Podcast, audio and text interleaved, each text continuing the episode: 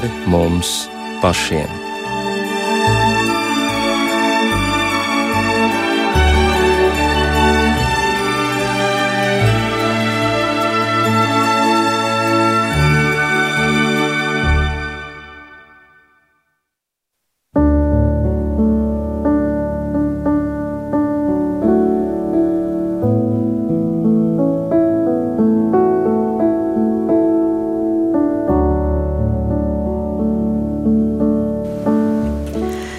Esiet sveicināti raidījumā pāri mums pašiem, lai ir slavēts Jēzus Kristus. Studijā Inte Zēgnere par skanējumu rūpējas Iveta Zvejniece, un mūsu šī vakara viesi ir teoloģijas doktors, Logāno universitātes profesors, priesteris Andris Marija Jarumanis. Labvakar! Labvakar! Un Latvijas Universitātes humanitāro zinātņu fakultātes profesors, teoloģijas doktors un priesteris Jānis Priede. Labvakar! Labvakar! Un mūsu šī vakara tēma ir psalmi.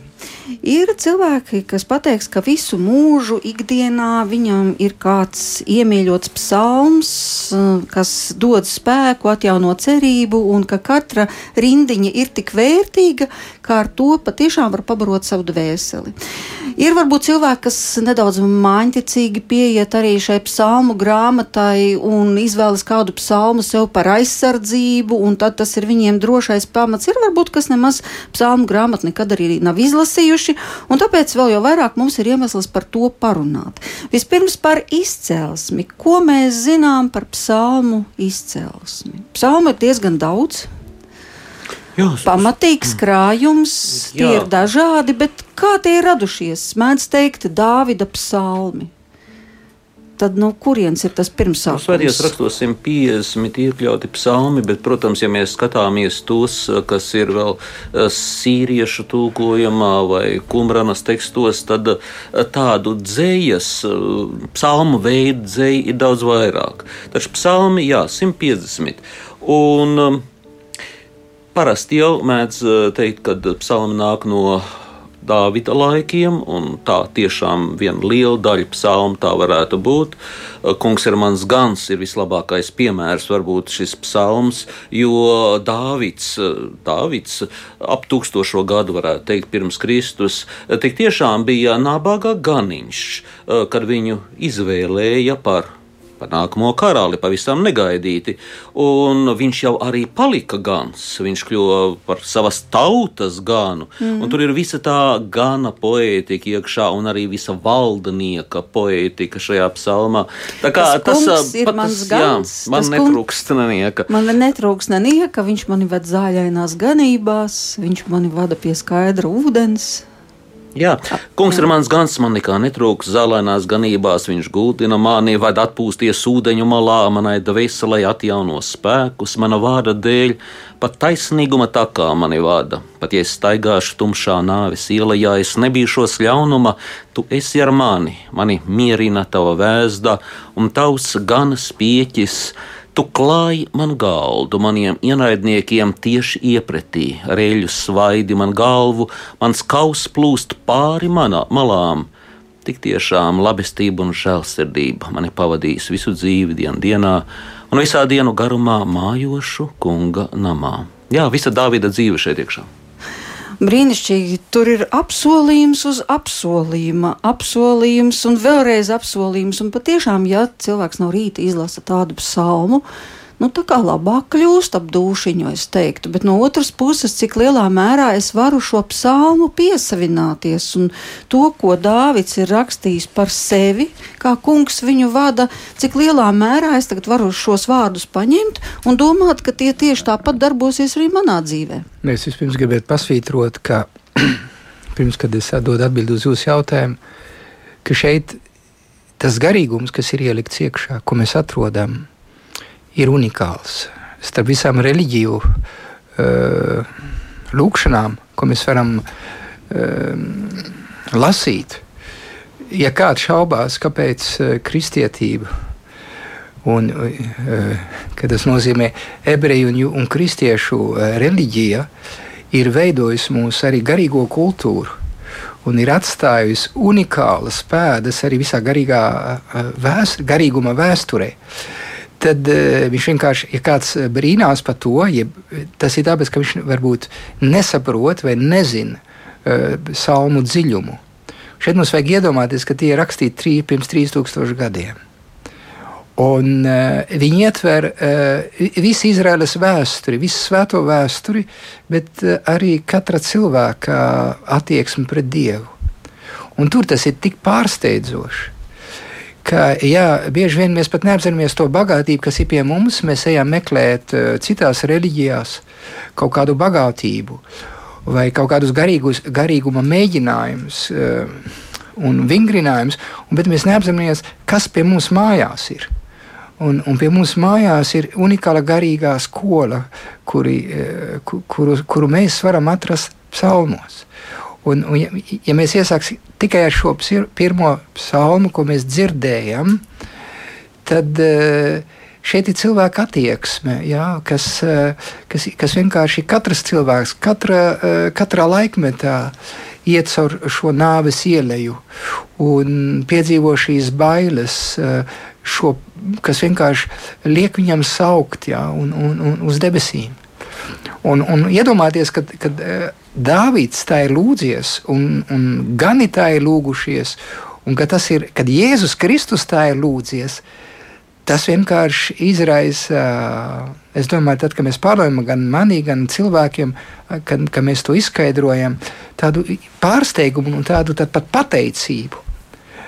Mums ir jāatklāj no jauna, lai varētu izbrīnīties un varētu novērtēt labāk šo lūkšanas veidu. Jo kāpēc baznīca turpina uh, ieteikt šo lūkšanas veidu, un kāpēc uh, pastāv brevjārs, kas ir uh, stundu liturģijas uh, tāds uh, lūkšana, kur, kas ir ko garīgā kārta cilvēki vai tie, kas ir dievam veltīti, viņi ir, viņi ir aicināti to lūgt. Tas ir viens pienākums arī baznīcas vārdā. Saprast tad visu šo, šo pamatu, um, dod uh, mūsu lūkšanai un mūsu garīgumam um, tādu jaunu, uh, jaunu dziļumu. Un, un varbūt arī uh, um, nepalikt vienkārši pie mūsu vienkāršām lūkšanām, jo mēs ļoti vienkārši lūdzamies un varbūt ļoti paviršīgi lūdzamies. Mēs domājam, jaunas dziesmas, mēs izgudrojam jaunas dziesmas, jaunus vārdus. Protams, mēs to varam darīt. Bet šeit mēs esam saņēmuši vienu svētu, garīgu mantojumu ko eh, ir vērts arī šo vakaru eh, vienkārši izcelt. Jā, es tomēr gribu pavaicāt tādā gadījumā, ko nozīmē pavirši lūdzamies. Tas nozīmē, ja mēs arī piedalāmies psalmos, mēs katru svētdienu vai katrā liturģijā mēs vienu psalmu dzirdam, kas atbild pirmam lasījumam. Un, eh, tas ir vai tad, kad mēs lūdzamies,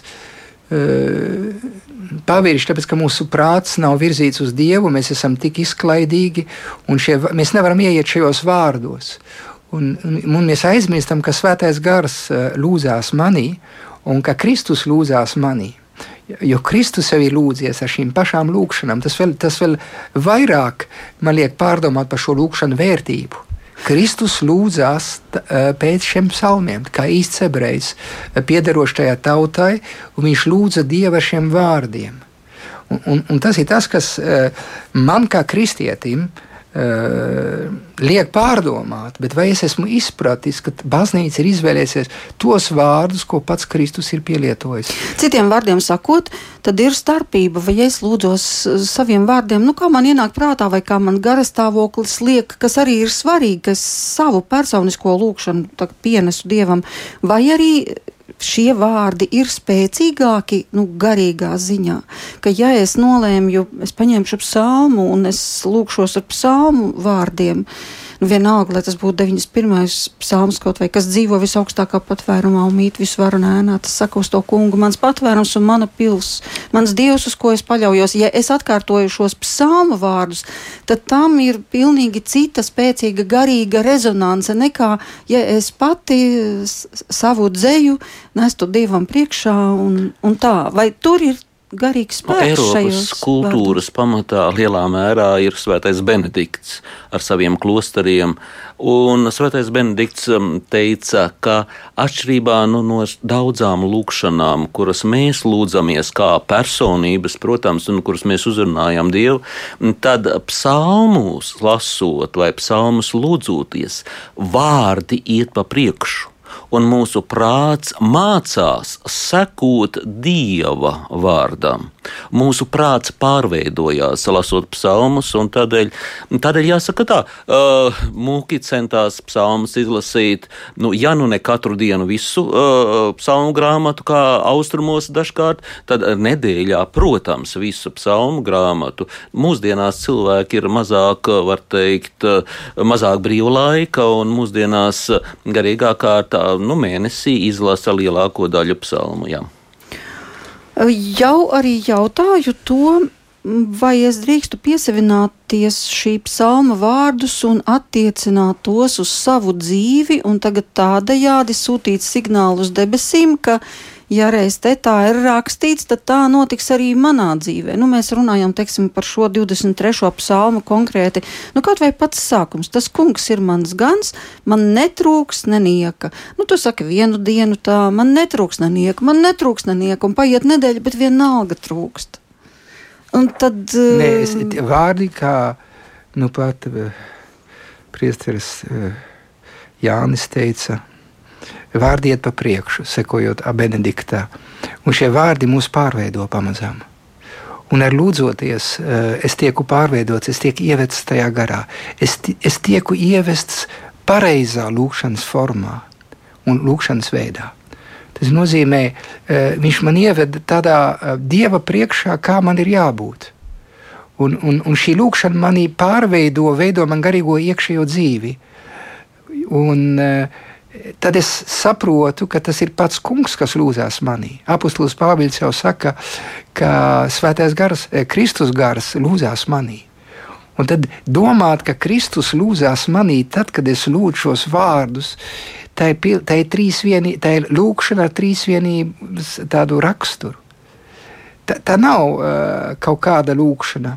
Uh, mēs bieži vien esam uh, visās kustībās šodien, garīgās kustībās un arī harizmātiskās kustībās, kurām ir sava nozīme, bieži vien mēs atkārtojam tādus pašus eh, tādus virspusēju vārdus.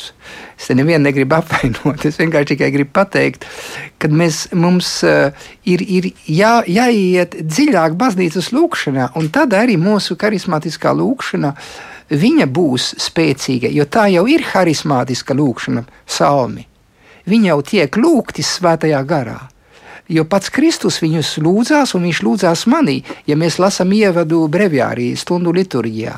Ko Pauls VI saka, viņš saka, ka Kristus jau lūdzās tevī, un tu lūdzies kopā ar visu baznīcu. Visa baznīca, tu lūdzies visas baznīcas vārdā, bet tu lūdzies arī kopā ar visu baznīcu. Šeit ir kaut kāda dimensija, ko, uh, ko tikai šī lūkšana ietver. Tas nozīmē, ka ir vērts mācīties psalmus no galvas. Tā, protams, centušies darīt mūki, bet ir labi vismaz viņus lasīt un lūgties. Jo psalmos ir šī dimensija, šīs trīs pat dimensijas, par kurām runā arī Svētais Augustīns. No vienas puses tas ir Kristus, kas lūdzās ar šiem psalmu vārdiem toreiz un arī tagad. Un no otras puses, protams, tie esam mēs, kas savās vajadzībās lūdzam Kristu psalmos. Un vēl tur skana, ieskanās arī tā Dāvida balss, kurš uh, pravietiski stāsta par Kristu.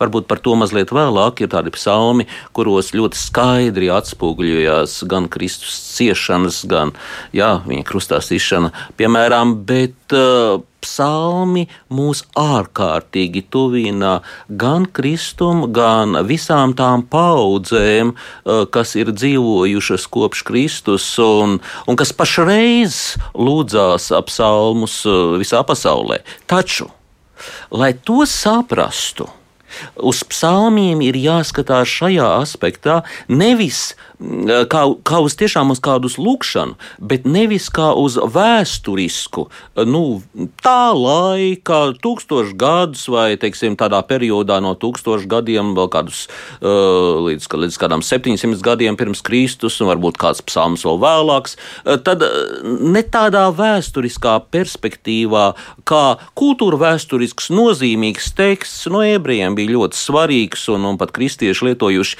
Nē, ne tādā. Ja mēs tā skatīsimies, tad tas uh, kļūst par tādu skaistu uh, literatūru kā Homērs, ko vienreiz dzīvē var izlasīt, bet, uh, bet otrais, nu nezinu, vai būs laiks.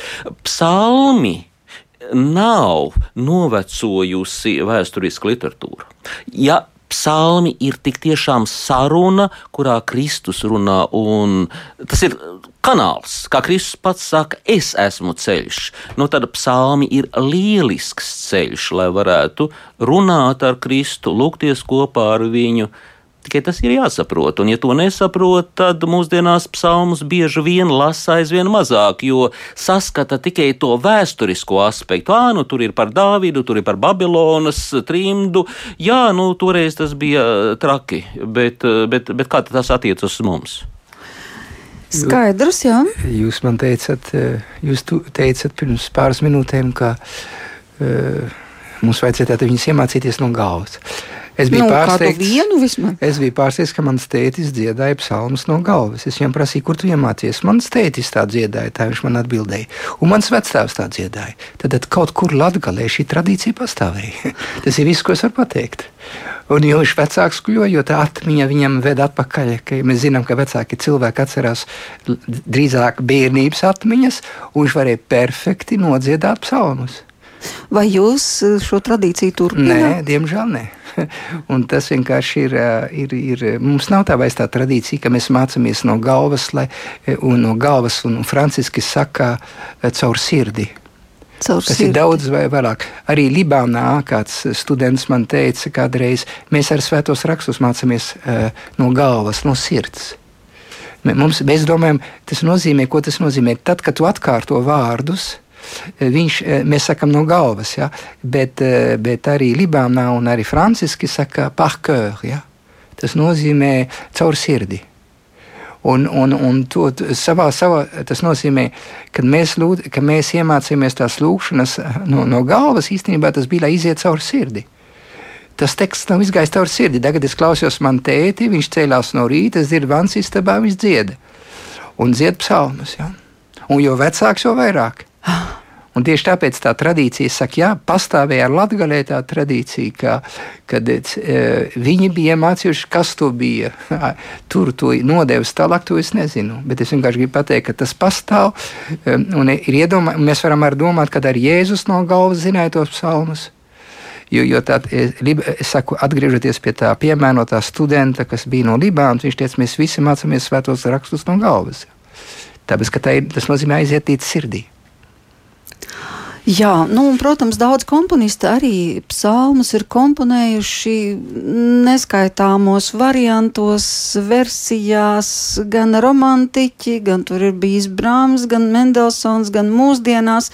Un e, kāds piemērs arī no tādas tradīcijas, e, ko savulaik 94. gadā ir ieskaņojušas meitenes no Daugaupils. Tas ir 27. psalms, Ligita Kursiša pataša to ir komponējusi.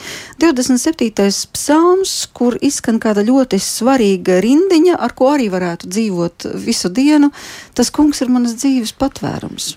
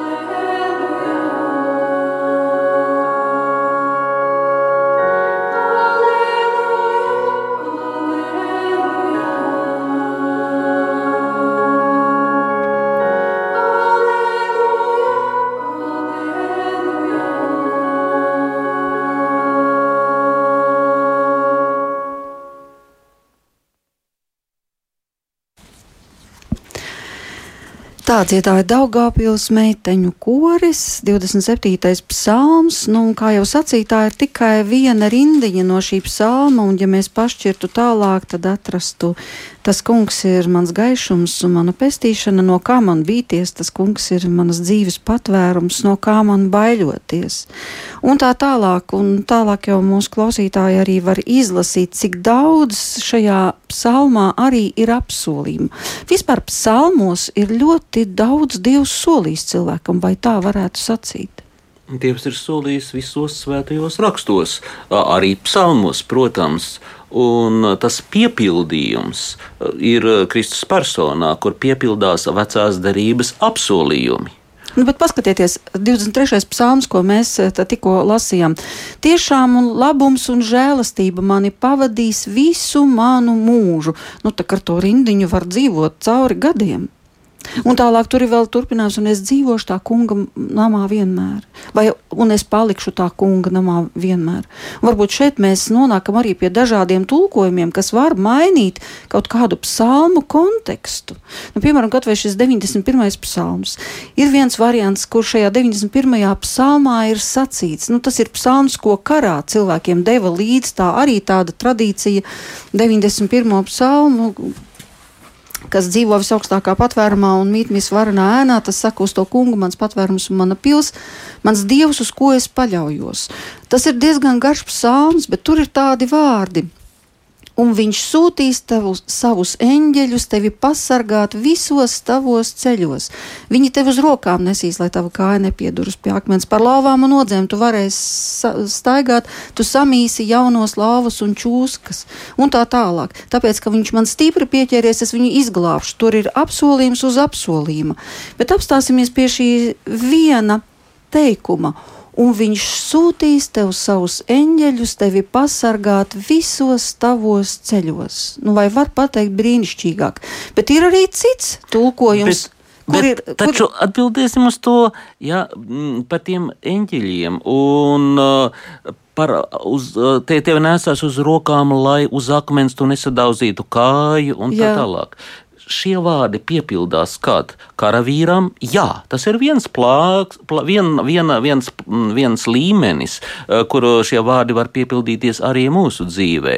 Bet tie taču ir vecās darības vārdi, kuri piepildās Kristus dzīvē. Atcerīsimies evaņģēliju Kristu tuksnesī, kur, jā, kur viņam citē šos eh, vārdus un aicina viņu, nu tad eh, varbūt lekt lejā no tempļa jumta vai pateikt, lai akmeņi kļūst par maizi un tā tālāk. Proti, tiek citēti vecās darības vārdi, un tas piepildījums ir Kristu.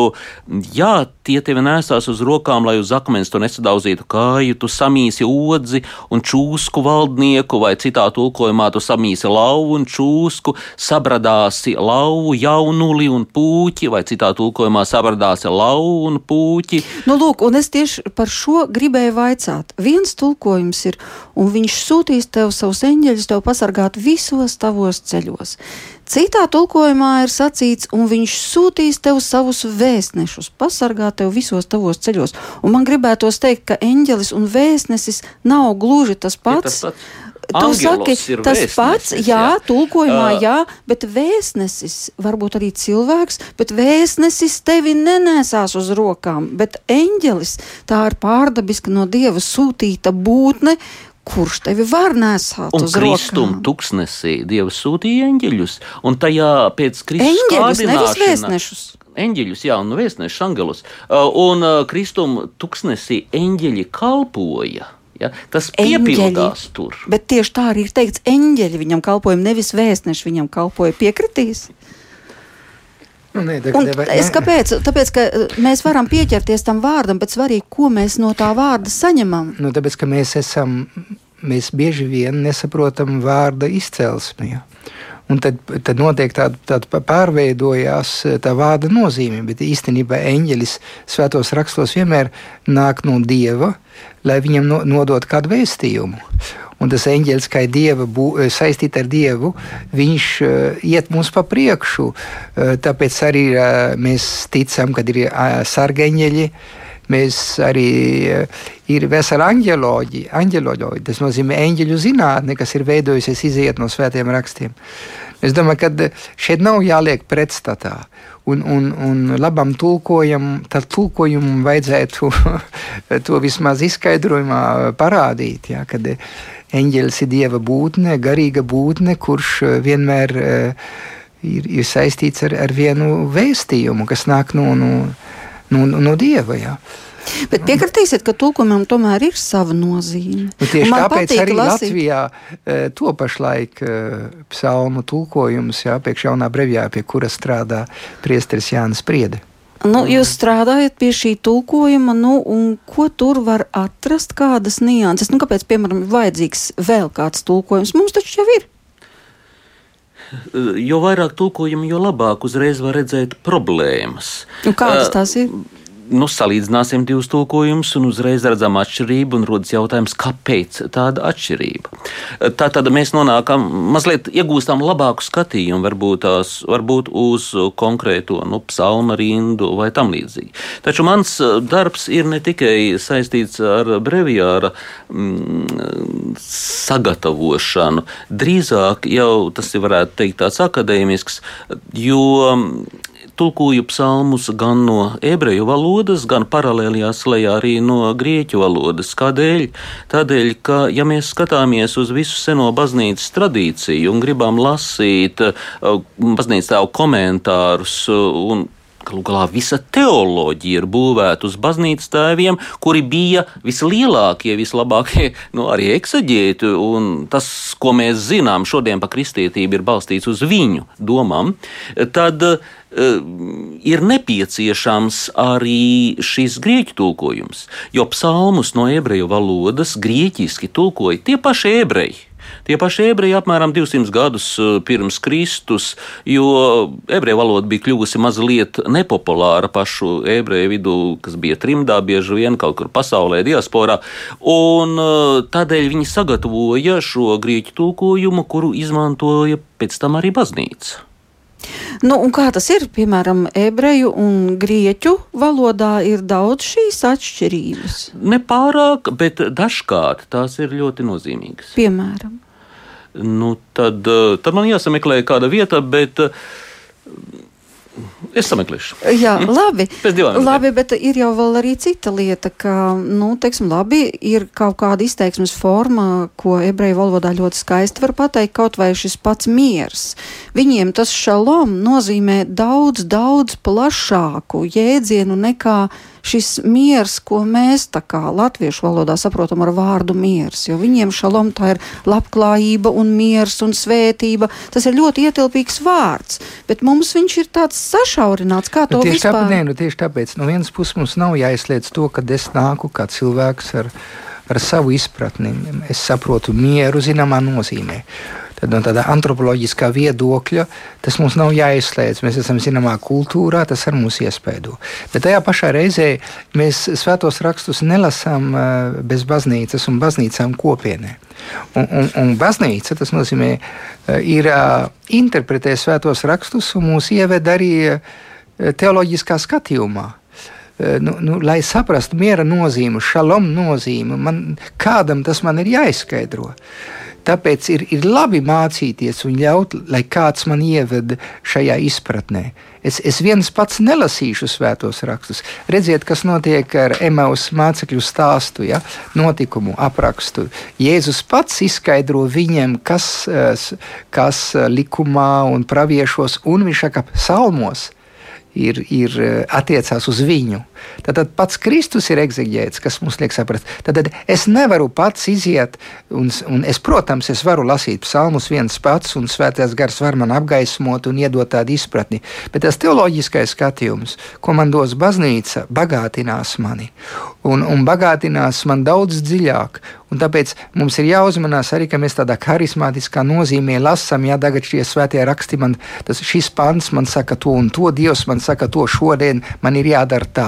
Mēs varam atvērt svētos rakstus un tā vadīt sevi, ja? bet mums ir jāuzmanās, ka mūsu tas lasījums nebūtu tikai, tikai uh, vienkārši. Uh, saistīts tikai ar manu izpratni, un es to dziļumu neizjūtu. Un tieši tāpēc tulkojums un pareizais tulkojums un tas teoloģiskais skatījums ir ap, absolūti nepieciešams. Un tāpēc ir vajadzīgi lasīt eh, svētos rakstus baznīcā un kopienā, kas mums palīdzēs. Un, un man ievedīs daudz dziļāk, un es domāju, ka mēs, es, eh, tas nozīmē, ja mēs lasām psalmus tā desmit gadu laikā, ja mēs skatāmies, es toreiz tā to sapratu, šodien es tā to saprotu, un es daudz dziļāk to saprotu. Un es domāju, būtu skaisti nomirt ar, ar vēl dziļāku izpratni. Un tad, kad mēs redzēsim, ka mēs būsim debesīs, tad mēs dzirdēsim visus eņģeļus, kas dzied psalmus. Un, un uh, mēs tos izjutīsim vēl daudz dziļāk. Ja?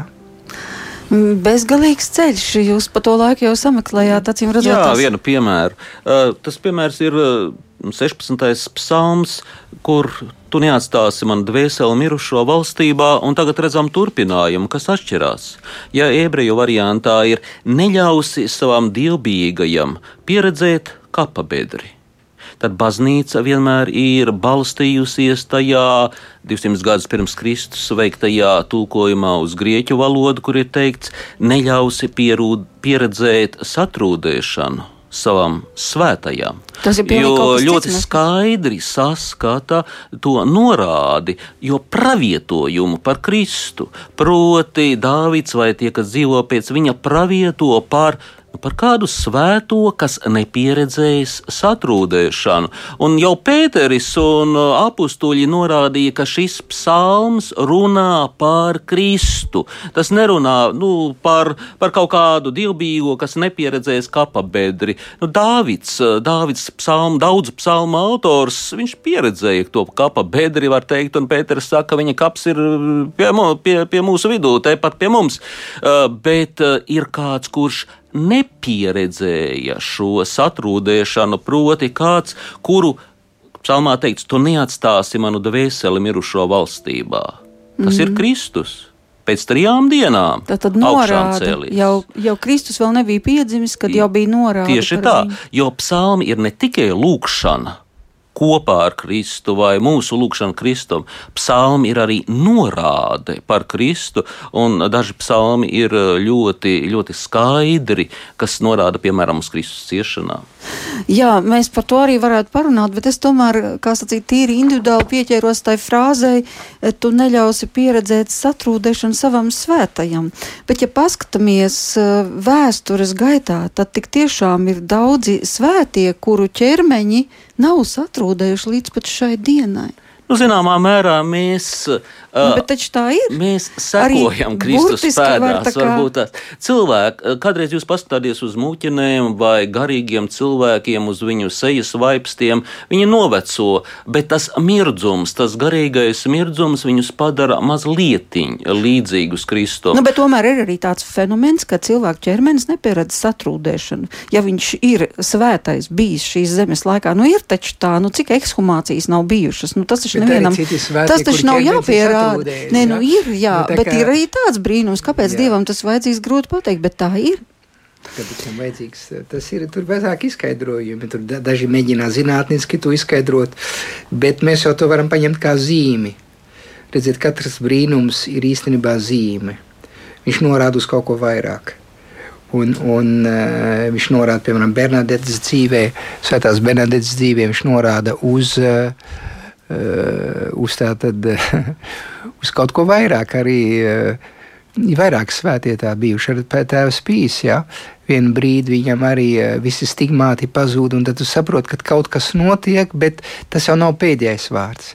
Ja es pieķeršos tikai pie tā, mēs, Pie brīnumiem. pie brīnumiem tālu es ne, neaiziešu. Jo, jo man, kādam man ir jāatklāj, ka brīnums ir zīme. Un redziet, Kristus ir izdarījis tik daudz brīnumu savā dzīvē, bet farizējs tos neapa, neatpazina. Un Kristus tad viņiem saka, es jums atstāšu tikai vienu zīmi, Jonasa zīmi. Tas būs krusta, krusta un, un, un augšām celšanas zīme, tā vienīgā zīme. Es domāju, ka, kad, eh, ja, ja, ir brīnumi, brīnums var būt par jautājumu, bet eh, kā tāds viņš eh, interpretācija var būt tikt dota tikai teoloģiski. Bet brīnums palīdz ticēt, vai tā nav? Jā, brīnums Stiprina ticību. Jā, bet es varu tikai palikt pie ārējām zīmēm un nekur neaugt ticībā. Ir tādi cilvēki, kas tikai skrien, skrien pēc ārējām zīmēm, un viņi, nepār, viņi neaug garīgi. Zīmes ir bīstamas arī, jo es varu apstāties pie zīmēm, un es varu mīlēt tikai Dievu savu zīmes dēļ. Ja? Un tad, meklēt, meklēt man, brīnumus, un kad un viņu vairāk īstenībā nav. Jānis no Krusta to jau labi atgādina. Nādā, nādā, nādā. Jā, viņš saka, ka neko, neko, neko, neko. Izeic caur tīro ticību. Un, un tā ir ārkārtīgi svarīgi. Mēs, protams, esam cilvēki, ja mums ir vajadzīgas zīmes, bet, eh, bet mums ir vienīgā zīme, kas ir Kristus, kas ir miris, kas ir augšām cēlies. Un es ticu augšām celšanas viņu dēļ. Ja? Un, un, un tagad, kad viens cilvēks nesatrūda, man ir jautājums, es, kāpēc? Un tad es to redzu, jā, tas man norāda ka, uz to, ka Kristus ir augšām cēlies. Bet vairāk es neko nevaru pateikt par to cilvēka svētumu, jo ir tādi svētie, kuri satrūdējuši. Un tad, tad vai viņi mazāk svēti ir bijuši? Tad, tad jautājums ir, ka, ko Dievs ir gribējis teikt varbūt caur šo uh, mirušo. Tas to mēs varam pateikt. Jā, nu, tur ir nē.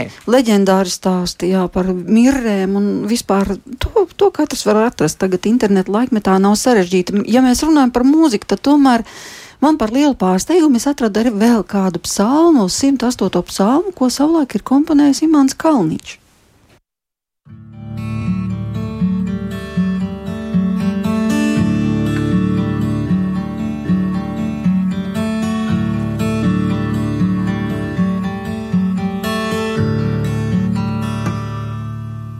Mostieties stabules un kokles, ar ausekli es modīšos, jo tava žēlastība ir liela līdz pat debesīm, un tava uzticība līdz augstiem padebešiem, lai tavi mīļie to pats vabināti palīdzi ar savu labo roku un paklausī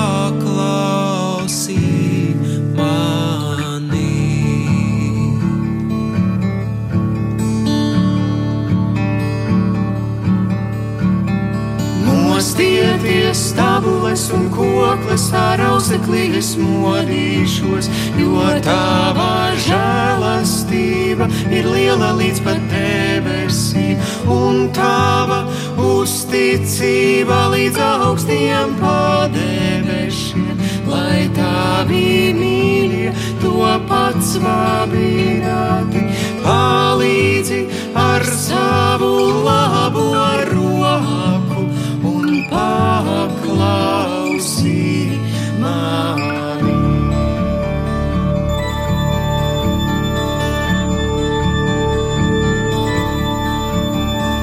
Stieties tabulas un koklis ar auseklīs modīšos, jo tava žēlastība ir liela līdz pat debesīm, un tava uzticība līdz augstiem padebešiem, lai tavi mīļie to pats vāvināti, palīdzi ar savu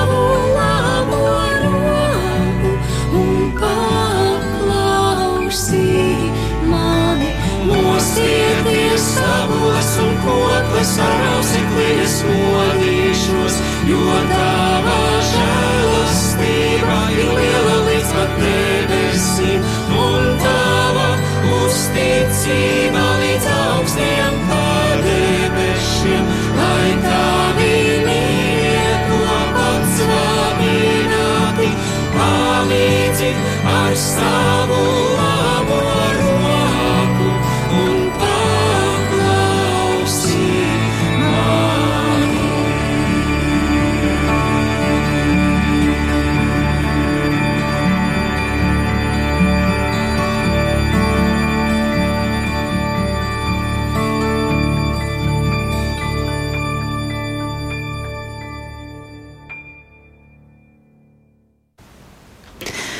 28. psalms, ko ir komponējis Imants Kalniņš, mostieties stabulis un kokles, un te ir runa par cīterām. Un, starp citu, man tāds jautājums bija, ko vēl neesmu paguvusi uzdot, kāpēc dažiem psalmiem, piemēram, tas pats 4. psalms, to atšķiršu, ir rakstīts um, dziedātāju vadonim, cīteras pavadībā, Dāvida dziesma. Kāpēc dziedātāju vadonim? Vai arī, piemēram, Dāvida sirdsdziesma 16. psalms. Kas Nu, tās to ir par pašu ceturto. Labi, jā. jā, ebrejiski tur tiešām ir kora vadītājam stīgu instrumentiem un... Dāvida psalms, bet, ja skatāmies grieķu virsrakstā, ir pretī beigām starp psalmiem Dāvida dziesmotais cildinājums. Tas ir, tas ir kaut kas cits, vai 22. psalmā arī cits virsraksts, ja kora vadītājam rītausmas tirmans melodijā Dāvida psalms, un īsti nav skaidrs, ko tas viss nozīmē. Dažkārt pat atstāja netulkotus šos vārdus, ja, bet, nu, rītausmas tirmans melodijā Dāvida psalms tas būtu ebrejiski, grieķiski ir par uzņemšanu rītausmā. Dāvida psalms. Tas ir ļoti pravietiskais psalms. Bet interesanti arī, um, ka tad, kur viņi ir skanējuši. Varēja skanēt jebkur, ganot ganāmpulku, varēja skanēt eh, tajā pašā templī. Kur Templī- skanēja? templī Kur? Noteikti, ja. Protams, ka dā, varētu teikt, ka Dāvids jau daudzus psalmus ļoti iespējams dziedāja, nu, kad vēl viņš eh, kalpoja ķēniņam saulām, un eh, kurš tāds pustraks ķēniņš bija, bet Dāvida dziedājums un Dāvida tīgu skaņas uh, mazliet remdēja tā viņa satrakoto prātu dažkārt. Uh, Pēc tam, protams, Dāvids pat, uh, or, kad jau bija valdnieks, viņš organizēja mūziķus, dziedātājus, psalmu dziedātājus, kas greznoja vai, teiksim, liturģijā šos psalmus templī dziedāja. Taču psalmus uh, ir lasījuši un dziedājuši visos laikos arī vienkāršie ticīgie, gan uh, Kristus laikā, pirms Kristus un pēc Kristus. Tā ir lūkšana. Jā, mēs pakavējāmies pie 22. psalma. Jūs minējāt, un šim psalmam, kā arī vairākiem citiem, ir gluži pravietiska nozīme. Vai jūs varat to paskaidrot? Ko nozīmē šis pravietiskais aspekts? Diezgan varbūt dažkārt neskaidrā, bet reizēm ļoti skaidrā veidā. Gadu simtus, gan arī teikt, tūkstošus gadus pirms Kristus, autors ir izteicies ar tādiem vārdiem, kas ļoti skaidri ir attiecināmi uz nu, Kristu, un, piemēram, šajā psalmā uz viņa ciešanām. Jo nu, kaut vai mazu fragmentiņu. Ja neesi tālu no manis, jo tu ir mokas un palīdzētāji nav it neviena, daudz vēršu sastājušies ap mani, man ir, ir ielēkuši bāšānas tauri, pret mani atplestām rīklēm plosītājs rēcējs. Lauva, es esmu kā izlīs ūdens, izmežģīti locekļi visi, sirds kļuvusi kā vasks, izkususi man iekšā, mans spēks ir sažuvis kā māla laus, kā manā mēlē augslējām pie pielipusi nāves putekļos. Tu esi guldījis mani, mani taču ielēkuši suņi, pulks ļaundari ir ieskāvuši mani, man caurdūruši rokas un kājas. Es varu izskaitīt visus savus kaulus, bet tie veras un lūkojas manī, savā starpā sadala manas drēbes un par manu svārku met kauliņus. Nu, tas ir tas, kas ir noticis tad, kad Jēzus sita krustā. Tieši Precīzi var precīzi. teikt. Labi, bet nu, kā to vispār var izskaidrot? Un arī to, ka, ko, piemēram, ebreji dara ar šo psalmu. Izskaidrot Nu, tas taču- teoloģiski, jau, protams, tas ir ļoti, varētu teikt, vienkārši. Mēs jau zinām, ka Bībele tas ir Dieva vārds. Un tas pamata autors, pamata autors, kas ar mums runā un kas mums ir kaut ko gribējis pateikt, izmantojot, protams, šos cilvēkus, psalmu rakstītājus, citu bībeles grāmatu autorus, rakstītājus, svētrakstītājus vai hagiogrāfus, kā varam saukt. Tas īstais pamatautors ir Dievs, un tāpēc jau svētos rakstus sauc par Dieva vārdu. Nevis par nu, ķēniņa Dāvida vārdu. Nē, tas ir Dievs, kas runā, un skaidrs, ka Dievam attālums, varētu teikt, līdz mūsu vakardienai un līdz mūsu šodienai ir viens un tas pats. Ja, tā kā nav jābrīnās, ka Dievs var arī pateikt, nu tā, mazliet priekšā tām neko nezinošajām uh, svētrakstītājām vai tam pašam Dāvidam, uh, dziesminiekam vārdus, kas attieksies uz jauno Dāvidu. Uz, uz jauno Dāvidu, kas ir Kristus. Protams, Kristus mm, tiek saukts par Dāvida dēlu. Viņš ir jaunais Dāvids. Tas, kurš nepieredzēja satrūdēšanu, kurš trešajā dienā augšām celās. Tātad atkal par to ir sacīts psalmā. un tas ir pravietots jau iepriekš. Šis apraksts ir dots, kas notiks ar Jēzu, ka viņu sitīs krustā, ka par viņu drēbēm metīs kauliņus, un to visu mēs varam atrast pirms Kristus vēl ir piedzimis. Jā, un tādēļ arī Kristus var teikt, krustā būdams, viņa pēdējie vārdi ir, ir piepildīts. Kas ir piepildīts? Tas, kas par viņu ir rakstīts psalmos un visā vecajā darbā, ko Dievs par viņu bija pateicis par šo apsolījumu, par šo grandiozo apsolījumu, kas dot, tiks dota tautai, ebreju tautai un visai cilvēcei Kristus personā. Tas ir piepildīts. Un tādēļ arī pēc augšām celšanās Kristus skaidro gan emaus mācekļiem, gan apstuļiem, ka bija taču jāpiepildās tam, kas par viņu bija rakstīts uh, psalmos. Tad man ir jautājums, kāpēc mēs to visu tā nesavalkam kopā savā loģiskajā prātā? Tāpēc, ka mēs esam virspusēji, mēs, mēs mācāmies no galvas, bet ne no sirds, kā pirmie es teicu. Tas nozīmē, mēs nesavienojam visu cilvēku. Cilvēks ir, ir, ir daudz dziļāks nekā tāds intelekts. Viņš ir, viņš ir gars, viņš ir psihē, viņš ir bioloģiska, viņam ir bioloģiska dimensija. Un, ja mēs aizmirstam to garīgo dimensiju, mēs daudz lietas nesaprotam.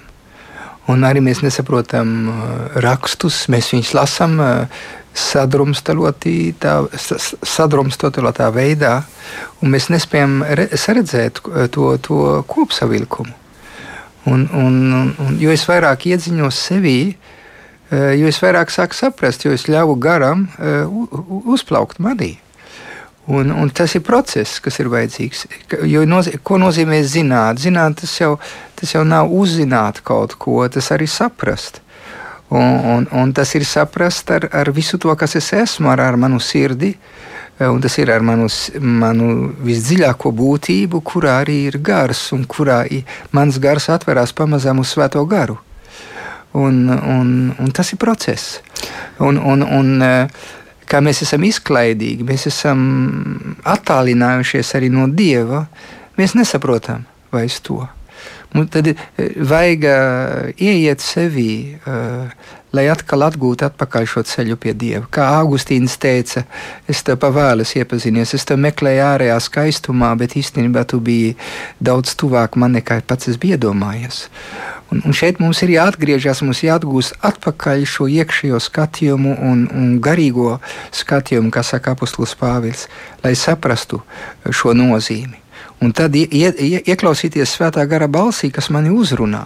Un kas man liek saprast uh, šo vārdu dziļumu, un tas būs tā, ka viņš jau būs tas, kas atklās. Un kādreiz mēs atveram vaļā vienu, vienu tekstu, ko mēs lasām, un lekcija divīna jau ir šis eh, garīgais lasījums, kur viņš te uzrunā un tev apgaismo tavu dzīves situāciju caur šo vārdu.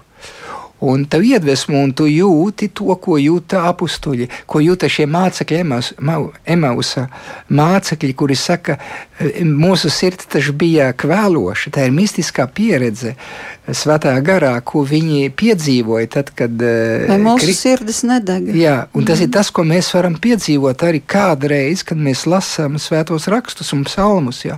Mūsu sirdis deg. Un tā ir tā, tā, garīgā, uh, garīgais piedzīvojums. Un visi mēs to varam, tas nozīmē piedzīvot, bet mums ir jāiet šis ceļš, mums jāatverās uh, uz šo. Uh, uz šo iekšējo skatījumu. Jā, nu šolīt jau būs raidījums pagājis, bet uh, gribu vēl vaicāt, kā jūs ieteiktu vislabāk lasīt psalmus? Kādā veidā? Teiktu, lasīt no rīta, sākt ar to viens psalms dienā, viena rindiņa, nu, jūsu varianti. Es Lai, teiktu, jā. ka galvenais ir saskatīt psalmos to, kā psalmi runā par Kristu, psalmos uzrunāt Kristu un lūgties psalmus kopā ar Kristu. Iespējams, ka vienā psalmā jūs vienā rindiņā vai pāris rindiņās atradīsiet kaut ko par Kristu, pāris reizes varbūt tās jūs run, run, varēsiet runāt ar psalma vārdiem, uzrunāt, kaut ko lūgt no Kristus, un savukārt citreiz jūs varēsiet slavēt Dievu kopā ar Kristu. Ja? Jūsu Es, jā. šī attieksme, man liekas, ir svarīgāka nevis par apjomu, uh, kas tiek lasīts, kas, uh, cik psalms varētu nolasīt. Es teiktu, mums jāsagatavo sirds. Kādreiz mēs vispirms telefonu paskatāmies no rīta, un, un tad jau mēs piesātinām mūsu prātu, bet varbūt to telefonu jānoliek malā, un tad sākam skaitīt vispirms psalmus. Un jūs redzēsiet, ka liela atšķirība. Es pats to esmu piedzīvojis. Eh, Un eh, skrienu uz to ziņas, gribu paskatīties, kas man tur ir rakstījis. Nē, tas jāatstāj malā. Jūs esat redzējis to, to lielo Tas nozīmē to starpību, kas ir. Jā. Eh, Tas kaut kā es piesāņoju to, to, to, to manas garīgās antenas, jā, kas varēja uztvērt to, ko Dievs man grib teikt, jo man ienāk iekšā eh, citas fantāzijas, citas informācijas, un tā nakts, kas bija atbrīvojusi manu sirdi, viņa kaut kur eh, nav spējīga. Bet ja es, ja es tieši atvēru svētos rakstus un, un psalmus, es to pilnīgi dziļāk piedzīvoju, un ko es tur lasu. Jā, liels paldies! Un tāpat kā kādā no psalmiem ir sacīts, Dievs, mans Dievs, tu esi, es meklēju tevi no agra rīta, pēc tevis slāpst mana dvēsele, kā izkaltusi sausa zeme bez ūdens. Brīnišķīgi vārdi, un arī tos var atrast psalmos, bet paldies, ka šovakar bijāt kopā ar mums. Es saku teoloģijas doktoram, Lugano universitātes profesoram, priesterim Andrim Marijai Jerumanim un Latvijas universitātes humanitāro zinātņu fakultātes profesoram un teoloģijas doktoram un priesterim Jānim Priedem. Kopā ar jums bija Inte Zēgnere par skanējumu rūpējās Iveta Zvejniece.